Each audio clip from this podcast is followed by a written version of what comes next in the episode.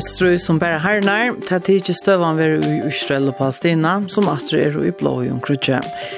Men hva er søvlig årsøkjen til åsemina, og er noe løsjen at homa, til vi gjør vidt og brettan noen ut igjen. Velkommen til sendingen.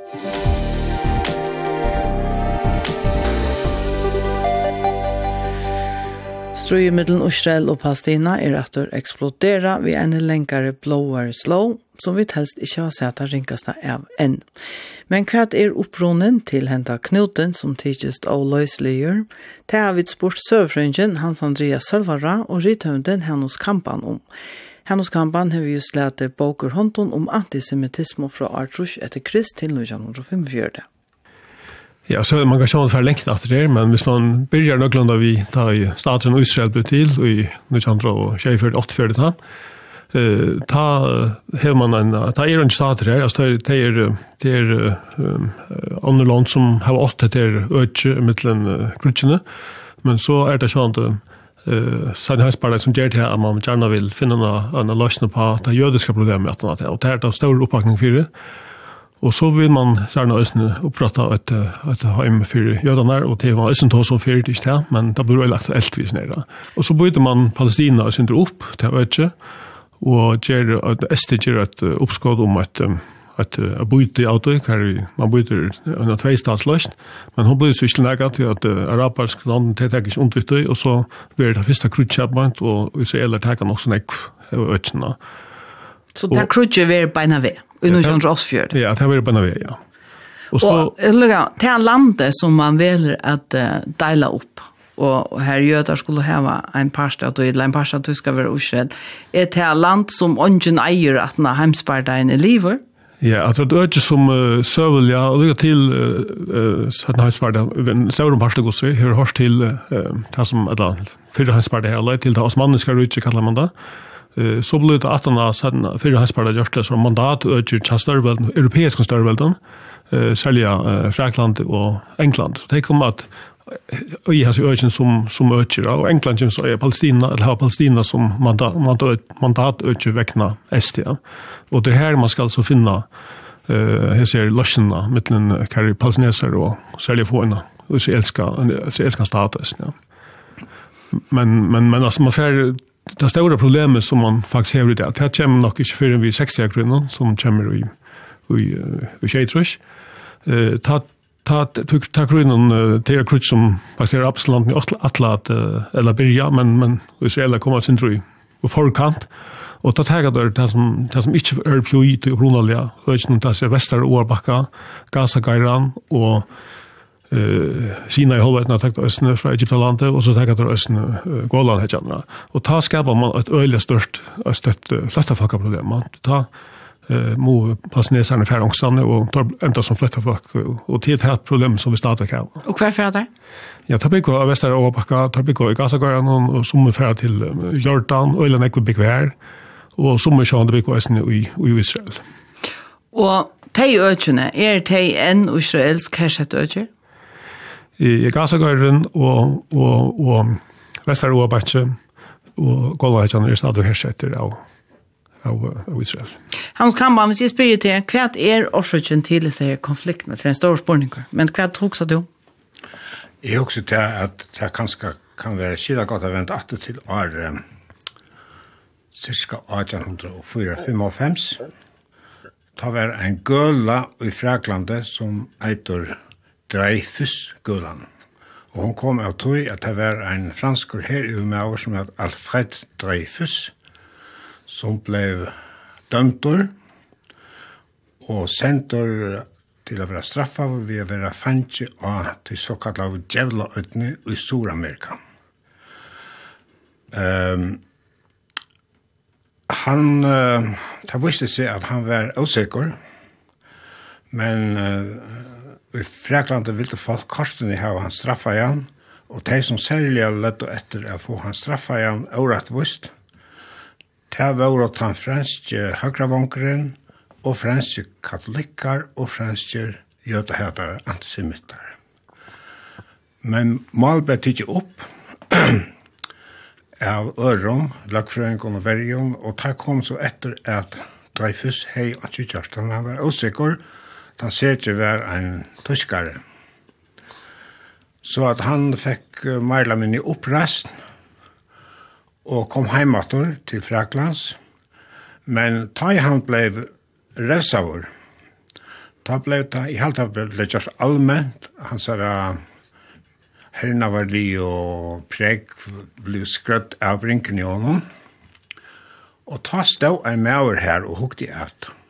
Han er Theodor Herzl, han var ur Østerrike, han var jøte, og han var så kjelkaver av sin her, at han skriva i en bøk som hever navnet Der Judenstadt, Der Jødiska Rydtje, og det er, som jeg halte med vita, opprunnen til det rørstel som er det sionismen, som arbeidet for at jøder skulle få et rydtje. Og det arbeidet helt så fram inn i 20. ølt, og i fyrstene var det kanskje ikke så nekve jøter som flottet til Palestina som tar ta et, men korsene nekre. Men så begynte jødeheter, altså antisemitismen, at vint og passe, og, og hon kom og rettelig og hattena, at han var 1933, og tre og Hitler og nazistene fikk valgt i Tysklandet. Det Hitler hei langt i 1924 og i sønne bøk med en kamp. Just greit at han heta i jøtar. Og at han, han kom til valgte, ble det greit. Så lojante at han atle at beina fire ødlun jötum i heimen. Og det får han så under, det får han under, og i 1941, etter at Annar Hensberg det var byrjaur. Så det er det som er også i første syfte om hva det spørsmålet. Så um, at det blir mer avtråkende at han har hettet at her få uh, en stad, at han har annet verdenskrig? Ja, at han har bruk for å få en stad, det har vært last dittelige av Ørn Ørnhanspartiet, og det har vært ødt samt om, eller ødt nekk var samt om det, at det var nøyut. Mm Men, hur är det särskilt viktigt? Hur också att hur är det här särskilt viktigt visar här sionismen är vad det där hon för det. Eh sionismen här ja, det är samband vi att det var det var två slö av jødom i Europa ta och i nutjande och atjande och sejande öll öll det var det ortodoxa jötarna och så var det en nytt av jødom som var vi kallar det assimilerare Det vil si at det lette seg etter at åkna ser mentanene og mali ut i landen her er bo, om det var i Tyskland, i Frekland, eller hver det var, og det kom å være liksom avantgardan innanfor mentana løyv og lista litt løy, og så var i europeisk om London, så det var så donalir. Og i Danmark har vi døme som til dems Nils Bohr, I Tyskland har vi Einstein, Sigmund Freud, og sånn kom man helt fram. I England var det Disraeli. Gjøtar var åtta, og i allar nutjen til ølt. innanfor mentan, politikk og, og skriving. Eisen i Danmark, Georg og Edvard Brandes, det var eisen gjøtar. Men det var ikke ortodoxe gjøtar. Det var gjøtar som var assimilerere. Det er at det hadde lagt seg etter at lærast om mentanna i til landen her til bo. Og alt jeg var så gavrutjer, kom der ofte å være fremst. Men nu ger man så att en annan annan hansbärdeja eh så ger man så en start till eller Kvui blev det ser man inte för sig att det kan bli ett problem. Det ger man väl att man man då så just att det blir problem till man ska liksom det och och kanske är det ösen synd i skallskapt problem som man har gjort, og at eh störvelden i Europa, bei Frankland och och England hade hade lova bei Europa men ösnu Israelen att de skulle få ett hem i miestre Eh við det är öchen hänt. Eh men men ta lukar som ta som löjligare out eller så lobba fra listan Så bara vi ta färman Elbjongar att ta uppständer mest av ösnu i Israel mot eller i i mellan jötarna i öchnen. Eh Så så så det kommer på vägen men och möjligt har man också se att det är en en avbjörn till att så börjar göra att flytta till till Virginia. Och och så ska man finna en lösning på det och det här som händer ner två statslösningen ska pröva finna en lösning på.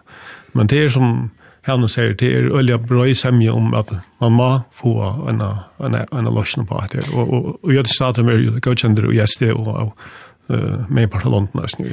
Men kvad det är för lönligare att ha det.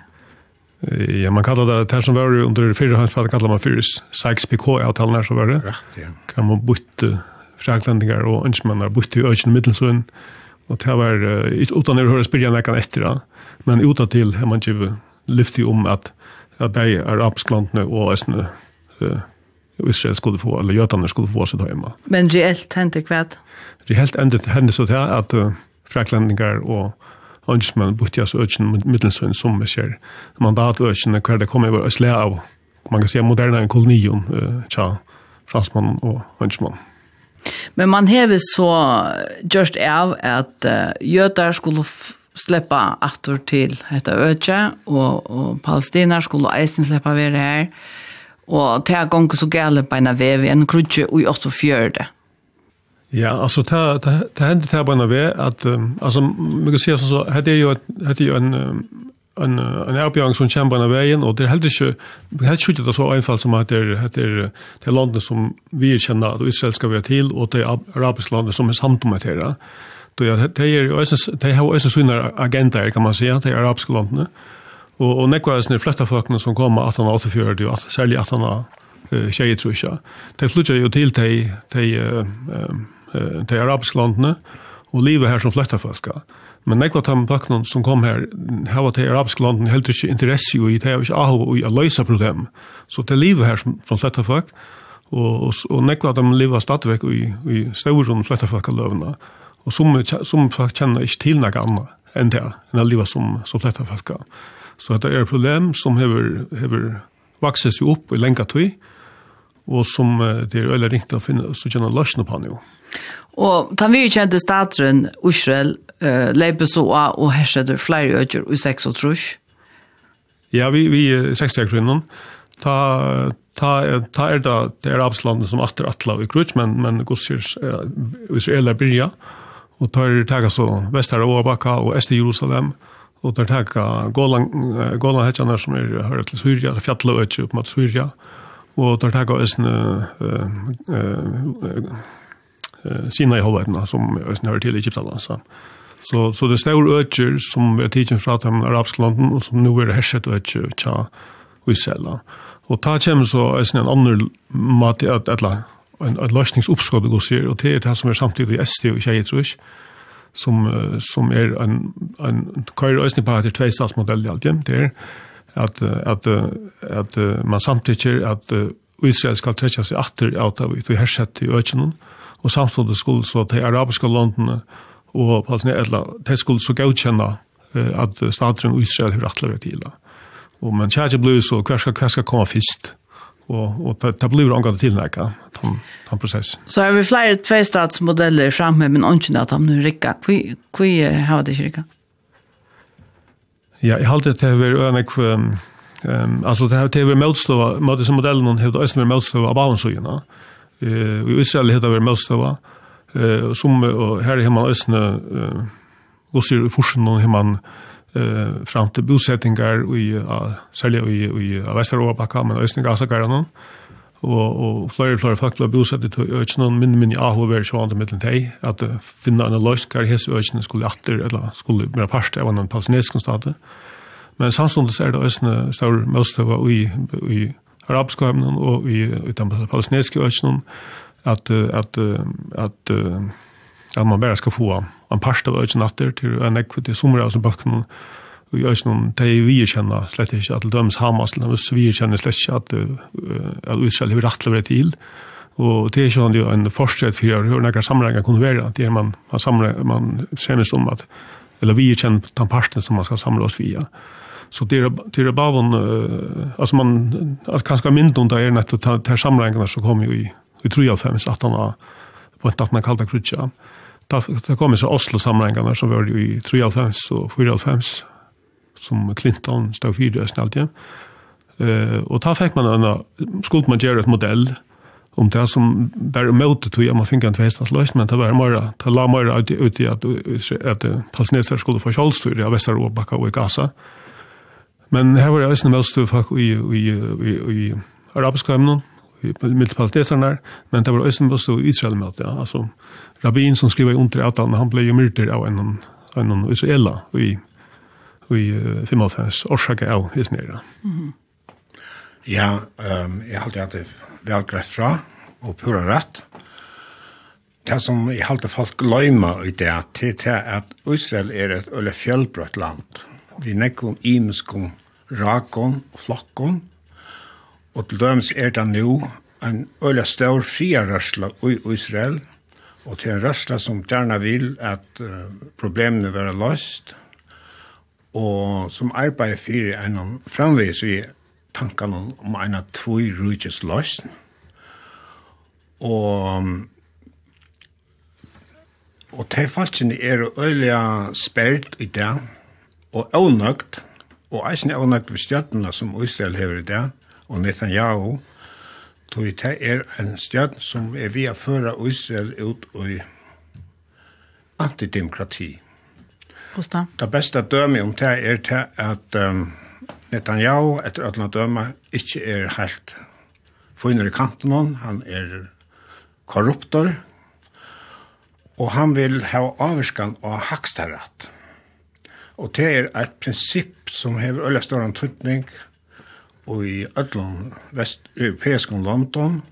Man hever tro i vald til det politiske valget, det er det omsittingarlige valget, og det er domsvalget. Det politiske valget, det er ikke under løgmaver og så videre. Omsittingen, til raharar og tarradaltarstjørar, og så rett, um, hakstratt, eller rattarskipene, til er sånn noe annet. Og det skal være, um, det skal være frutt, eller være et glopp i middelen til. Det skal ikke kunne avvarska kun annan. Og det er gong så atter til den gittna filosofen Montesquieu, som stetta fram, og Netanyahu og Stjøtnenskjålen er vi at brøyta til. Luknande rak finner man eisen i Polen, i det, og i øren europeiske London som er ved inn i fascismene. Men Israelar, Øljan Eker, tar i bangne for at tar land for for skjeite, orsak av tog. Tog sionismen var opprunnelige en, en rørsla som arbeid for demokratiet, fyrir tui, tui sekulera jødan, tui verslige jødan. Og, og nu, nu det som alt fer fyrir skjete, så kjøtt som uh, forsetsraren hever avvirskan av Hakstarat, så er landet ikke langt et demokratisk land. Og Og det var et av træet som jeg halte sionismen arbeidet for. Det var for en og nødja slæ av jødan Jötar hadde unga mølagar haft uppgjørt alla miøldna til at her sluppa ikkje å handla, å selja og så videre. Så det var øyne ekki større som det ikkje sluppa heva. Nå, nu har det finnst henta mølagan, og til det som er, og på en måte, man kan si at det er den nutja, den nutja jødatypen, det er en som ikke bare skal bruke sitt høtt, men eisen skal bruke sine, sine armer, arbeidet, den arbeidende gjøten som tar vil skapa. Og det gikk vel i fyrstene, tar uh, sionisterne for til Palestina og begynte at arbeide diska hjørna og skapa kibbutser, det var sånn um, kollektiv, her tar arbeid og her sosialismen var i hasetet en Anna tog er av sånn kollektiv som hadde slett ikke penger til dem. Alt det var en parster av til røslene. Og nå er, nå hever um, alt det som tar vil slippe bort fra, tan, tan gamle, tan gamle sleie av jøta, lukka som vi tidser seg fram atur. Altså, det er folk som man kan lesa til dem, en som Martin Krasnik, som vi skriver om, som sjálfur er jøte i halvtida, skriver man seg her i jødene i Israel som ikke gjør det. Der sitter bare i en stål og rukka. Atlan dagen fra måten til myrkors, og der lærer sine bøtene å sitte og rukka. Det gjør han ikke. De, og det vil ikke, ikke, ikke rinda skatt. Det vil ikke gjøre henne var tjenest. Og det gjør um, stjøten som nå er gjør dem løyve til det. Og det er ikke annet for jeg får at her stemmer, og så råkner jeg bare vi. Nå er ikke noe vi er ute i. Men det var jeg tusikker mer om. Så det er, det er øyelig hermelig det som nå får fram. Det er faktisk en vever borte fra de opprunnelige arbeidsamme uh, kilagåa sionistiske jødene. Du nickar han som säger, känner du åt låta det. Jo, jo, jag är för samt. Vi tog just nu. Vi hade, hvis man skulle, skulle lagt något så är det kanske öst det att, att han, det som är, kanske är det här som händer, ta i konflikten där, komma upp i i upp upp upp på handa matan så så är det ofta de konservativa krafter som som blir starkare tar mera agengande krafter det man det man säger alltså det det som tar jötarna som står av staten Israel det var som du säger det var sekulära jötar som ja. som gjorde det ja. Eh men nu är det lika som att de krafterna som är framme nu är lika åt de konservativa religiösa krafterna och så för att till till ta palestinska och så går sig att Arafat som skrev under at han var i Rabintau i Trojafans, han var østnøyen som ville ha at uh, de palestineses kjølstøyene skulle være sekulær uh, kjølstøyer, ja. men østnøyen her er de religiøse kreftene blir inte starkare och Abbansyn. Abbansyn faktiskt, ja. Och nu hvis man hickar sin rätt att att det är här öliga ekvisliga och alla behöver näka gera vi så här mera och mera högre orientera och stötna och i ursrätt Det er helt og helt sikkert, da, tog at uh, det lømmes til at tvei statsmodeller som man har haft her, ikke selger nek uh, framme, vi, vi tar, tar kjøttene som er siden i Israel. Um, uh, bosettingene er, uh, da man her sett i øyne, her øyne til ferie, altså så igjen, ja, nok lengst igjen, så igjen, uh, fortsatt noen kurser, det gjør det nek. Og, og det er de tingene som øyne skaper avbjørnger nekva stedene, og som øyne, som øyne, gjør at at de tar sekulære eller araberne eller palestineserne at de har misse undertøk i øsne i, i, i, i i palestinesiske heimene med en altså Fata, Røsland som er den ganske mye eh, liberala eller frusinere Ryssland nu missar undertöget till Hezbollah och Hamas och och så. Så, så det är ganska Så det er som blir mer och mer extrem eller? Ja, det är alltid, det är liksom man alltid en sån avhånelig uh, cirkel bakom att en rinkra som som ser ut att vara kommer igång. Jag tror anker som spyr um, om om detta uh, detta land i hever en framtid. Det ser ju det är uthalt ja. Och jag håller till sambandet vi att som Hans Andreas säger religionen eller religiösa extremister får större och större avskan och i bavom pörstom. Alltså nu hörde vi om det här som hänt i leden och det var ju rävligt Og Hamas, det er vel og nekker civilisere europeere, det er, det er menn som vanvira kvinner og man, vanvira nek ting som vi sitter prøyser på som rattender i landet. Og tar drepa så, jeg vet ikke hvordan jeg har der har tidsi løyvi av kanskje tusen nu eller flere. Hine menn, så hever man eisen dømi om altså ångte tar jeg lyst om at det kommer folk ur Amerika, ur USA, til Miestor. Det er inn i Vestara, uh, øtje av Vestara Årbakka, og bare teka et øtje, teka en gær, teka en hus, og, og seta seg og råa her. Altså. Til, det er... Til... altså, hva er det for folk? bosettingene. Ja. ja, altså gjøter fra USA til dømes? Fra USA, som omkring har vært her, og ikke eier her, som bosetter seg, og øtjom der ikke eier. Og, og slipper det til? I det? Og i vissa mån halte det släppt det. Ja, det går sig till politiker som, som den konservativa stöden är först. Det är att öka om bosättningarna och att uh, flera flere faktiskt skulle være i økene. Og jeg vet att snurr sig säkert ökning om det at uh, hvis man hikker etter det fuckar samman sättningen i vi ser det här byggva, jag har alltid byggva en 20 miljoner i det och klart. Ja. Och här är kanske en fjärring grad om är är palestinesare där. Men hvis så teker alle som bygger utenfor, at de gassakørene, de i Vesterålbakka, og det får forvaltning av vekstrøsene kjøtere her enn han gjør, i i Israel. Og det er vel tog øsne at Israel er først en veldig aktiv innflyder av politikk, i sørste nekværende, tog at man vil gjerne halda tritt, altså jødeste befolkningen halda tritt vidt han den, den palestinska uh, muslimska befolkningen. Så, så det er en, en avgjeng i seg selv, at, at, at uh, Øysen til Israel er få fornekvar uh, palestinesere inn i sitt øyne, det så ble det ikke en jødiske stater. Donker, og til, så det er, det er veldig aktivt å få flere jøder til øyne? Altså, ja, det er det, ja. ja. Og det kan bare komme inn og bosette seg hjertene vilje? Ja, det er jo ikke en politikk for det, ja, og, og det har gjort på den maten, men Men det var en aktiv en politik. Men jag menar man ser at det bygger ganske nu 13 miljoner götar byggvar stan, ja. Och til falskene och när kommer det Östeuropa. Så man vill gärna heve at flere götar komma till, till Israel. Nu vil det ta sig nekv om det alle oppe til så Hamas som är i Gaza det er eisne Vestar som er hinne, men hva er måneren, altså, vi tar så ofte om Palestina, altså, her er, tver, er det tvær imske kulturer, eller er det større måneder av eisne økje noen Vestar Årbakka og Gaza? Nei, jeg hadde ikke det så veldig større måneder. Altså, med en person av falsen som bor av Vestar Årbakka, og de som bygger Gaza, er det flett folk som er kommet, og sjekker av de krutjen som har vært i mest, ja.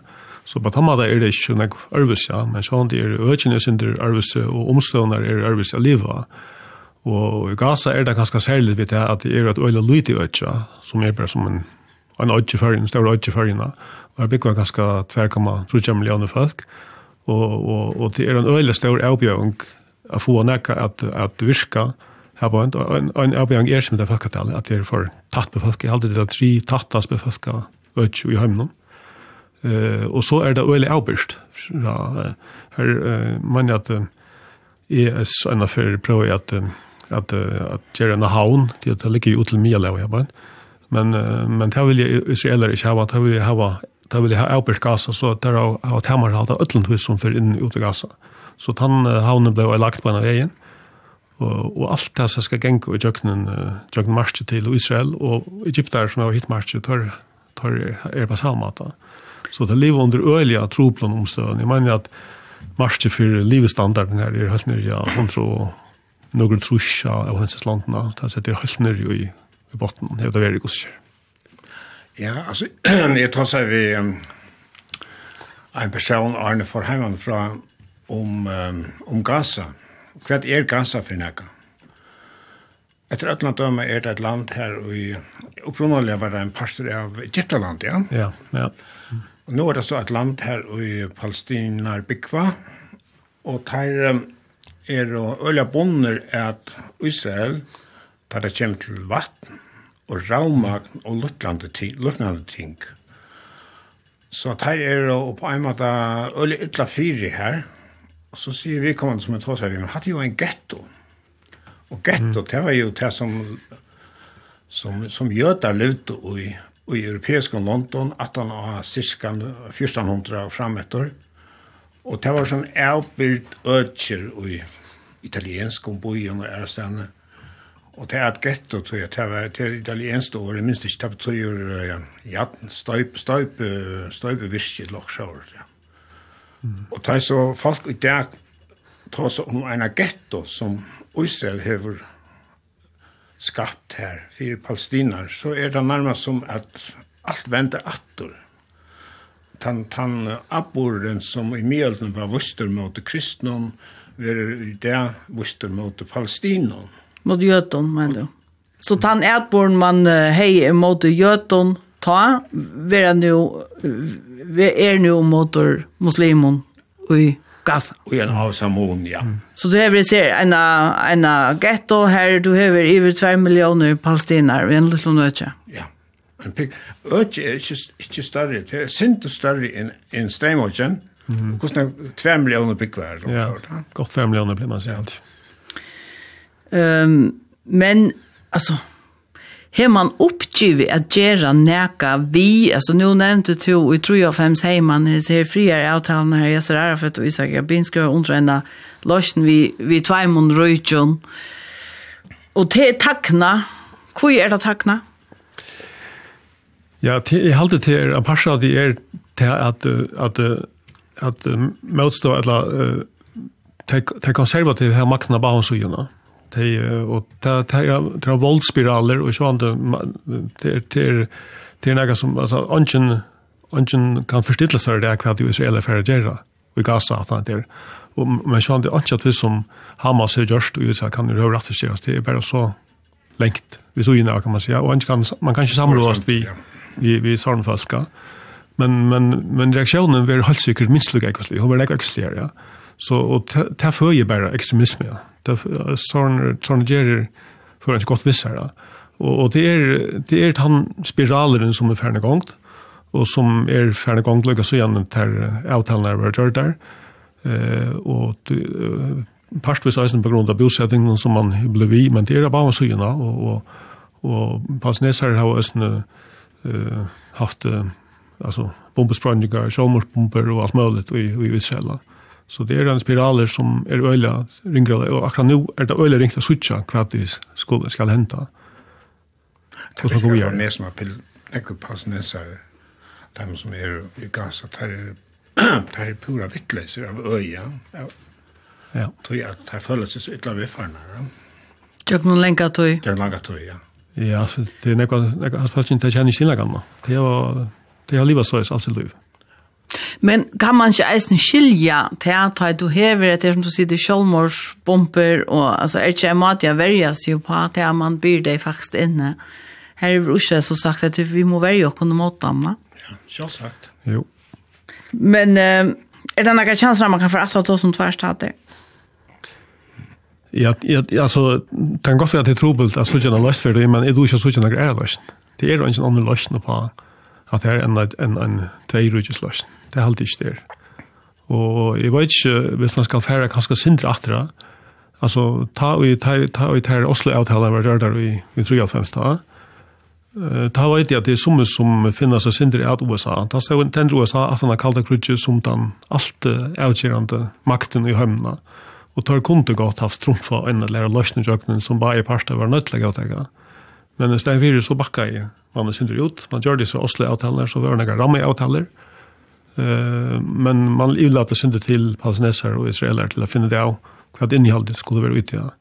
Så tar man onker tre parster inn som legger trusta, og kanskje har man spalt seg og synder ta korset av håndene. Men, men kanskje er det også det at hvis man, uh, altså, at ja, Arafat han han helt jo vi Saddam Hussein da, vi, han gjør innras i Kuwait og i i Helfemsa. Og ta minnes det godt at jo så og hette vi ikke noe som noe godt kan spyrre spørsmål jorda. Men på omkring måte halte jeg at at det som stod etter at han var, det var det at onkel sa at palestinesere må være utrolig frustrerere av oss nere. Så gos jo kom til Borsjord, man man fikk gongt av samlingene ta i, i 2.5 eller 93 i Oslo. Så kjølt om det ser øyla mystig ut, så er det kanskje øyne av det oss for enda. Men det var så kvart palestiner eller israelitter vil du, eller israeler vil du bruke seg løsene som var underskrivet eller? Nei, tog jeg at det var større møtstøver i baven førstene. Altså større møtstøver at, at en jøde dreper rabbinene. Men færre vi nå så bara hitja med en uh, Israel jaunar gasa vi gjørna, eller kan man fritlandsar at nekar gjer neka? Det er at alle blir så ekvestligt at man ganske sier, det må släppa av hevn av det. Jeg tror ikke å si at jeg var bare til Russland for å ikke gjøre, Iran for å ikke gjøre, og Afghanistan for å ikke gjøre. Skal USA gjøre noe? Ja, du, du kan inte... jag råkar inte via några fler gärnak. Jag råkar inte att Israel släpper att... Tar det gärnak? Att det här som... Ja, alltså så det heter det är så det en konflikt som är man kan säga lite upp tammata att hon helt helt innanför Israel och det här sätt i ökningar. Men här så några pastor och här här i Iran är en pastor och Iran är samgång eller allierade med Ryssland och så så og og og og til konflikter i i arabisk heim og sen ganske særlig mellom mellom de arabiske landene, muslimske landene og Iran. Eh så her her er det potensial for at det kan bli en øyelig større konflikt, men men nettopp to trykk vi ikke kommer inn. Tog at alle statene vita at hvis utlandet kommer på så kan det være noe som vi stemmer alltid. Ja. Så jeg råkner ikke vi at, jeg råkner vi at uh, kanskje anker for at, at tåse hauset med til, til Israel, men jeg råkner vi at jeg slipper å gjøre det som der. Så har du, hvis det er noe, gjerne gass av hjørnet, så har du inne med en vestar og åbakka. Hva er det her med så? Fortsatt det som det blir, eller? Ja, her, det er, det har ikke kostet synder for seg, kan man si. Det hadde jo brunelig en, en, en felags fyrsitting, men det har nok seg sånt, altså det er kostet nok snakk for seg, ja. Men... Ja. Jeg vet ikke grunnt når på en måte djupast seg en spurninger om vikgang til religion, i bavum pørsten, og det er øyla ringt af flatt å få, få sånne folk at uh, tenke i på at de får dem å kikke seg ordentlig. Det er ikke hausom. Motgang til religiøs folk er ikke hausom. Og du skal bare mer og mer hæt og hver ja, hver anker ved ja, typen? Ja, det blir bare mer og mer, ja. Og jeg råkner vi lagnan til rabbin, hever ikke virka etjande på semmings hoajar gjøter helter. Nei. Men man er løy til å vågne. Men det som, det som Israel er færre at gjøre i Gaza, og det er sikkert færre å være, det er en reaksjon som er ekvistlige. Og hun fyrir jo, altså her bygger jo 2,3 millioner folk, kan man säga. Her, hispa, uh, Hamas hever 000 limer alltid, ja, men derfor mest av gengo driver sivilfolka. Og det er til, til den spiralen som fører til Møyra, uh, Møyra, uh, ekvistløyt, Møyra, Møyra radikalisering.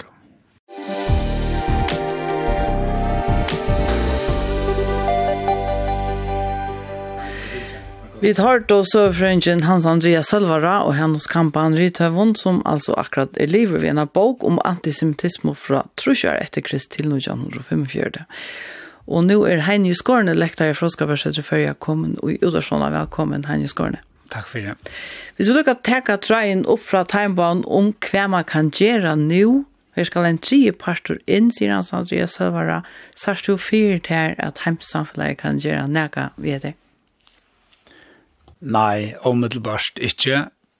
Det som uh, tar neste tøyen for å snikva seg om, hvis man lurer etter uh, israelske stjøtnene og, og eisen i heimsamfellene, så er det at at uh, tøyna eller fjerna Hamas til det det snur seg om nå. Altså alt snakk om friar, uh, en friar prosess og tveistatsløsjen og friar samrengar, til irrelevant at hos om bare nå, det snur seg om uh, at et strøy mot Hamas, og hva skal hende vi Gaza at han nå? Altså, til flere israelske miler som skriver, ok, det er, det er eh fullkomliga realistiskt affär in och fjärna Hamas till att Israel är så ivelige hernavarliga men kvad så eh skulle vi så binda okkom till att administrera Gaza-gairan här där bygger var 2,3 miljoner folk och i ara tutsi fram tar vi en öjliga kostnader med affæra at att ta det ta är det och i okkar egen intresse så det som det snur seg om bara nu det er är um, krutsu mot Hamas och, och hur man uh, hvordan man fjerner Hamas som en militantan aktør, altså ideologien for at, for at leva vujere, men som en aktør vi er noen herre som kan fremja til alloppet som vi nå har sett, og, og hva, hva hender at han har til det som man tjekkast om nå. Men kan man fjärna Hamas uh, utan att alltså kan man för ändå fjärna det? Alltså man nu prövar för att fjärna Hamas här. Man kan inte fjärna man kan inte fjerne ideologierna men man kan fjerna eh, omstøvnar tja einar ideologi til at operera og være ein, ein uh, aktörer som kan fremja allop. Altså vi så da vi islamiska staten som nu er til, til små celler som opererar vujare kring Atlanheim, men islamiske staten miste til territoriet som islamiske staten heie. Og på samme måte kan man uh, sette seg fire er reka de folkene som mynda Hamas og reka de ur Gaza og syrja fire at um, de ikke blir til å trena. Altså, til kusser 1500 Hamas-hermen som er drypner inne i Israel, så det blir en øylig firereitsing og en øylig vending som er ferdig fram og kanskje mer enn et år og man kan fara inn og syrja fyrir at ter logistiske eller praktiske omstøvnar ikkje er til stier meir, men, men man har faktisk det fire dømi i israelskar søve, ta og hvis vi fer atter til fyrst uh, 1902 forshaldige, ta og uh, Arafat og hans her rørsla PLO får til Tunis, altså man rek uh, Arafat til Tunis her han sett og i utleggt som leier tja palestinensom Så det er fordømmer i, i søvende om det, og Hamas-Lashland hever eisne siden eh, nok som jeg var en krutsch i Syria, så hadde de Damaskus som en sted her som man kunne flytja til, da jeg trus det ble for ekvislet. Og ta nuverande Hamas-Lashland fyr nok anten til Katar, etla til Torskaland til uh, at, at, at leida seg sjål. Så det blir nok til at at flyta Hamas ur Gaza, ja. Jeg hodla lukka spela et brot fra der i morgen. Puk Damsgaard er i Tel Aviv, og hun sier såleis og i genstørst. Den her nedkæmpning af Hamas, man prøver nu, det er jo med et håb om, at man kan nedkæmpe Hamas. Hvad er sandsynligheden for, at man kan ramme Hamas, hvor det gør rigtig ondt? Ja, det er jo det store og måske vigtigste spørgsmål. Vil den strategi hjælpe Israel bombede Gaza i 50 dage i sidste krig i 2014 og forsøgte også der at uskadeliggøre øh, Hamas. Og nu står vi altså så i en situation ni år efter, hvor Hamas har været i stand til at udføre det dødeligste angreb nogensinde mod Israel og israelske civile. Så spørgsmålet er, om man via en total belejring og via bombardementer kan bombe sig til sikkerhed på lang sigt det er der i hvert fall ikke erfaringer fra tidligere, der tyder på. Det er en konflikt som bæra harnar. Er en ønte spiralur tar vi meir og meir voldligt løyset han neka og hon sett spurnar til vi om det om det røber til. Løyset han neka at uh, fjerna bomba meir. Altså Jeg skiljer vel hva de sier, men uh, det har vært flere, fyra, fem krutsk og, og små konflikter. Sujan i Hamas tog maktene i Gaza og i 2006 Men hver er er man vender atter til status quo. Altså, uh, en vattna kvult og status quo. Og så har Hamas atter kunne byrja bygd opp og så vi er. Hesefer er i rettelig viser at man ikke forventer atter til et status quo. Mm tog at hette avlopp er meira omfattande og meira bestialst og meira blået enn nega anna avlopp som uh, Hamas har framt uh, avur, og vi skulle atter til uh, Holtrusjør atter til Jom Kippur-krutje for at, for at uh, finna nega som lydgjøst. Og jeg, jeg, jeg, jeg, jeg, jeg, vi fer atter til jeg, jeg, jeg, jeg, eh en en vattna kvult och så kan och så sit och med Hamas framvis över makterna i i Gaza.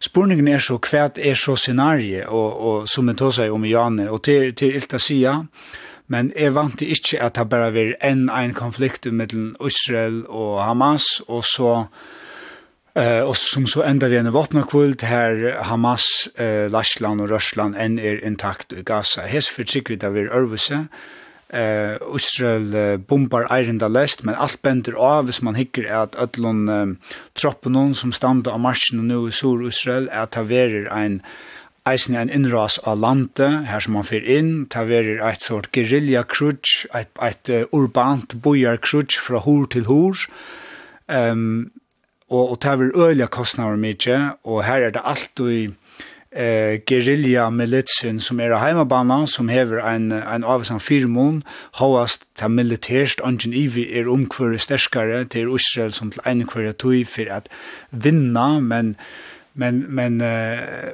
och i ein og Timon som sympatiserar vi Hamas så har man nästan långt vunne skott om man rintar vi nek flyer man människa löv to er man over vald så stor han skia och och Israel så så det är ett scenario att det hes ver ver en en landinvasion och man ska minnas till att Israel var inne i Gaza inntil 2004 og skjort eh, fra 60 av kronen og tjej trus som eh, tid Hannes og, og Hans Andreas tåsa vi om Arjen. Og så tog Ariel Sharon og, og eh, trekte seg atter. Og man kan ikke se at, at hersedingen av Gaza enda i, men man får ur Gaza vi hermannen, det var 30 000 hermenn inn i Gaza, som skulle verja 20 000 jødiske bosettingar, hese bosettingarna var tvangsflutter, det var øyla dramatiska myndir. Her, her jødiske hermen tvangsflutte jødisk sivil som lødde seg nyer, de ville ikke færa, men de får ut ur Gaza, og det som man gjør så at han har vært en sånn at man omringa i eh, Gaza og, og hermetisk lukka i mørkene, som Egyptaland eisen er vi til at det sunnare mørkene, og nå sier israeler, hva finner vi fire at fer ur Gaza, vi finge Hamas, som vann et vel i 2006 og, og tog maktene. Hva fer man hvis man nå fer, hvis det nå etnast at fjerne Hamas, hva fer man så? Det er du ikke svær på hva man fer så. Altså, man kan øymynda seg at um, palestinska sjølvstyre, som hever maktene av Vestar og Årbakka, Men men kvart vi har blitt 2 miljoner som är inne innestångt faktiskt ja någon sån geira här. Kvart förstilla man så här hände för det har kanske skrön något annat genko på i. Alltså så att de flesta är underhåll trusch. Eh det kvar under att jan till lätta rekrytera kanske frustrera er män som uh, har varit riktigt att finna mening löv någon. Visst du nu fjärnar det så tror du folkene som har tillknutet till Hamas utan att lägga allt i öje. Fast du så spär en mer extrem bult. Jo, det er sera sannløkt, og det er ikke bare nek som er under holdtrus, altså 40 prosent av gasagæra noen er, er bøtten fra 0 til 15 år, 40 prosent da, så, og det som ekna vittner sier, eh fra til dømes i snir tonleika festival non her 230 folk, sivilfolk i sur Israel, Israel blei slakta i medan det lusta vi etter teknomusikje, det er kosi unger, hesir hermenner var nekvin kanska nyr i sov i utlavera 15, 16, 16 år, folk som er fött i lengt inn i nullnona, ehm så det er mykje sannlukt at det bara skapar en nutja generation av uh, radikalisera av en ung mann som är som blir heilavaskar og som er lättare heilavaskar tøy man man bor i en fangsle åtta nøker som helst utlit og några framtida møvelag Hever hever heims samfellegi sleppt hever heims samfellegi ikkje nekra arbeid fire hos som bøttene noen og hos som unge som byggva innebært ui gassakaran. Jo, de, uh, altså, heimsamfunnet hever en apert, men spurningen er om den aperten, om nega lever opp til de apertene. Vi tar nega som eitir uh, laws of war, altså lover som er galdande og i krutje. Alt sjåa lov som sier at du er olovligt kollektivt at refsa eit heilt folk. Og det er nega som Israel alltid vil kritisera fyrir hver fyrir det vil krutje og i, og i Gaza, at, uh, at um, tid færa ikkje etter Hamas, tid uh, refsa et heilt folk kollektivt, her den største, største offren er sivil, um, så, og, og, og til eisen nega som Israel vil kritisera fyrir nu, tar man stondjer fyrir vattnet, og streime og mæte og heileveie, altså totalt. Det er godt nok veri en blokkata, men Israel har regulera kvært for inn og ut, og i senesten har man enda gjort en avtale om at cirka 20 000 folk i Gaza slipper inn i Israel arbeid hver dag. Så åren et avlopp er man faktisk spekler bryr over at at gera at gera hesa margina a luid sind friare fyrir sum folk sum eisini har haft ein positiv outline fyrir økonomien i Gaza.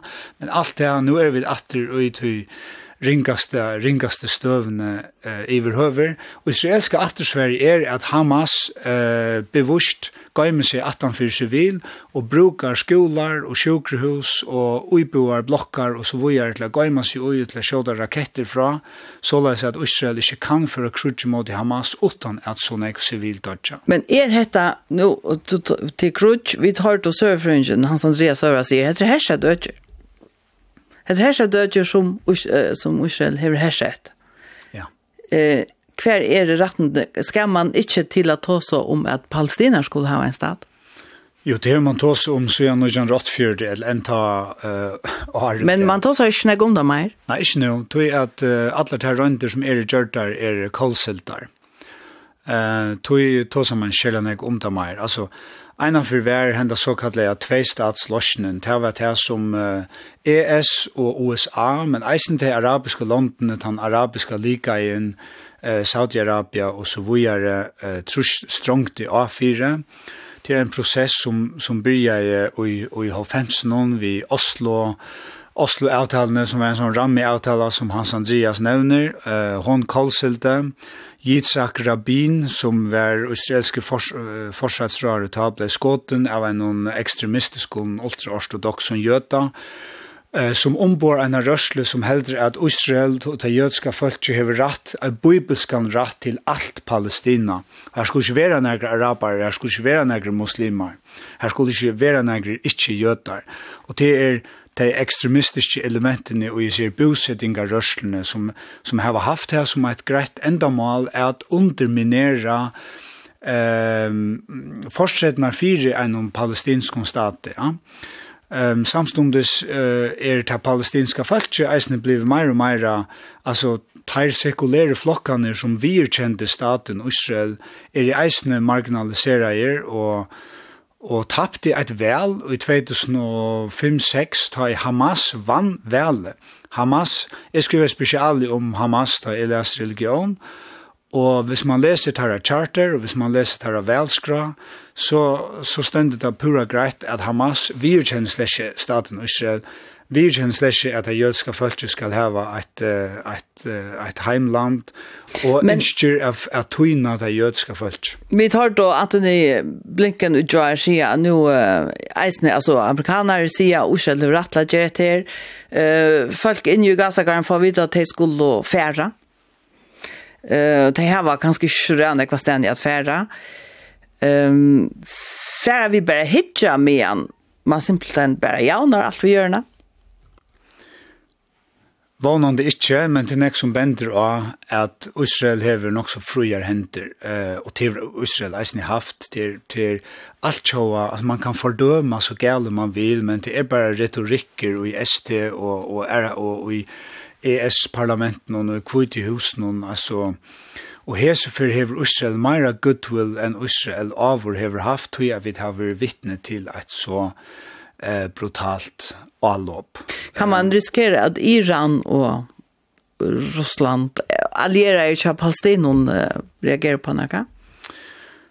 Eh... Uh, till till Ilta Sia men Iran har sponsorerat Hamas och Hezbollah som har makten av norran för Israel som eisen sentra ketterin eh och i Ara Tutcher och och Ryssland och Iran är er, og i och i en tätt om uh, fellesskap i allt jag pallen. Ehm det som er så spesielt til det at, at det gynner faktisk til sættene årene er ekkjent av at Israel har normaliseret sine relasjoner til flere store arabiske land. Og det er kanskje en høvus årsøk til at et alup kommer nu, at Hamas forteller Saudi-Arabia og Emiraten og Bahrain og Marokko og andre land som har gjort friere avtaler vi Israel her, de kunne ikke halte at, at de kunne gjøre friere avtaler vi Israel utan at spurningren om Palestina er løster.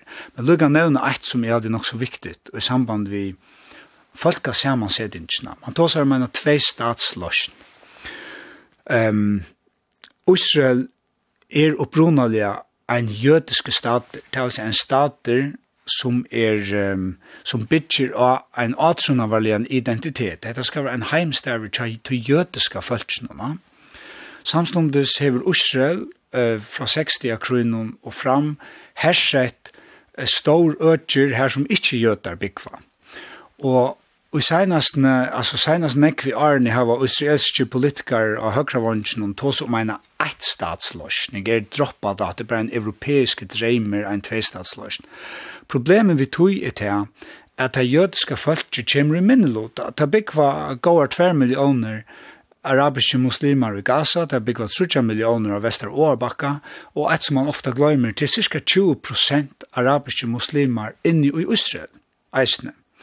Og hvis man teker allar her millionar samanlagt, og sier, og tåsar meina eit statslåsn, så kan det ikke langer være en stater for det jødiske folket, med mindre det er et slags apartheidstater her jødene er første klasse borgere og, og araber og muslimer er andre klasse borgere.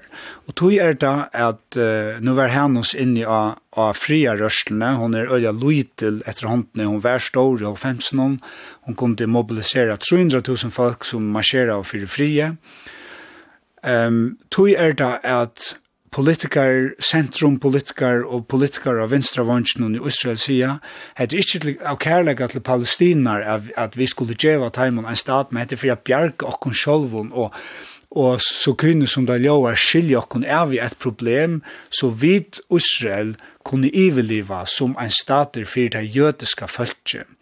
Den gamle sionistiske dreimeren til Theodor Herzl og Taimon som hann var inni av. Men tar du også om at det var en sekulær stater av brygjant? Ja, den sionistiske rørslan var en sekulær uh, rørsla og og ein rørsla som var ølja sosialistisk, altså kibbutz-tanken, og så vujar er en ølja kollektivistisk tanke, tan arbeidande jøten som, som uh, Hanus nevner, men, men et som man uh, ikke husker om til det, at det jødiske folket, vi tar så ofte om til jødska følse bunt i ental er en ølja et kluta teppi av etnisiteten vi tar jødar ur Østeuropa, amerikanska jødar, men vi tar eisne jødar ur Etiopia, ur Norr-Afrika, nekve jødar ur Irak og Yemen, og ta jødska følse var spjatt at han eh att han har romverske inrasna i Arhol fjärs hvis vi nu får ordla lengt atter så var jötar bo alla stän i världen och nu kommer de atter nu känner att det efter 2000 år i exil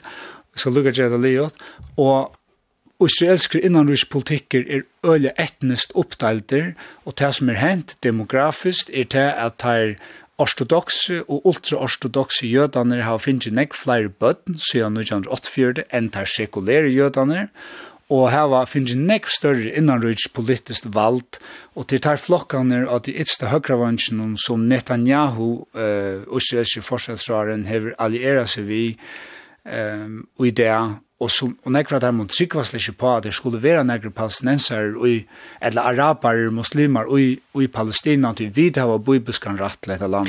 Og er det eisne tøy at man kanska etjar øron a koma til, altså ta blei tosa syndrom at man simpelthen røyner at lokka flere jøtar at koma til Israel det kunne så bosette seg her som palestinar byggva i forvin. Er det fyrir at tryggast seg at man ikkje kjemmer og i minnlota som jøte, simpelthen i mun til arabarer?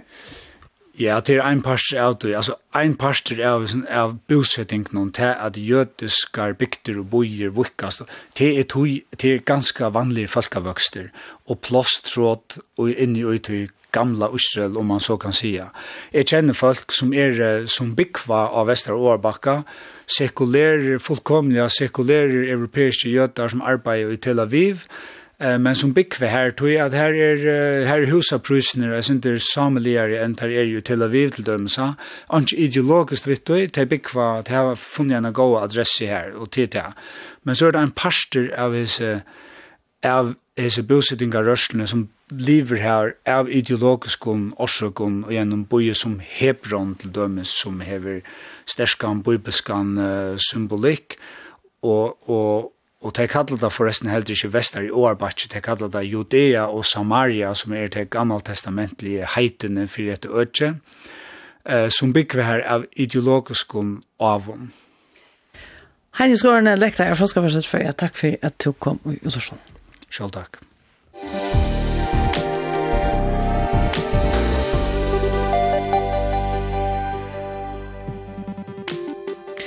Hatta vært her vi tøtt og i brettan og i det. Og man har løte vi kjent en tøk som pottvars på hjemme som jokkere. brettan vi eisen jentrenter etter tøyntene klokken 6. Hevet og vi mersinger til sendingene, hos gå til evne et lepprei. Send dere en teltepost av bretten kurlakvf.fo. Av brettet redaksjonen jo i det var Rotvinter Poulsen, Maren Dalsgård og Birgit Karine Eliasen som eisen var redaktører. Takk var Kari Annanberg. Vi gjør at vi er noen utgjør brettet torsdag klokken 12.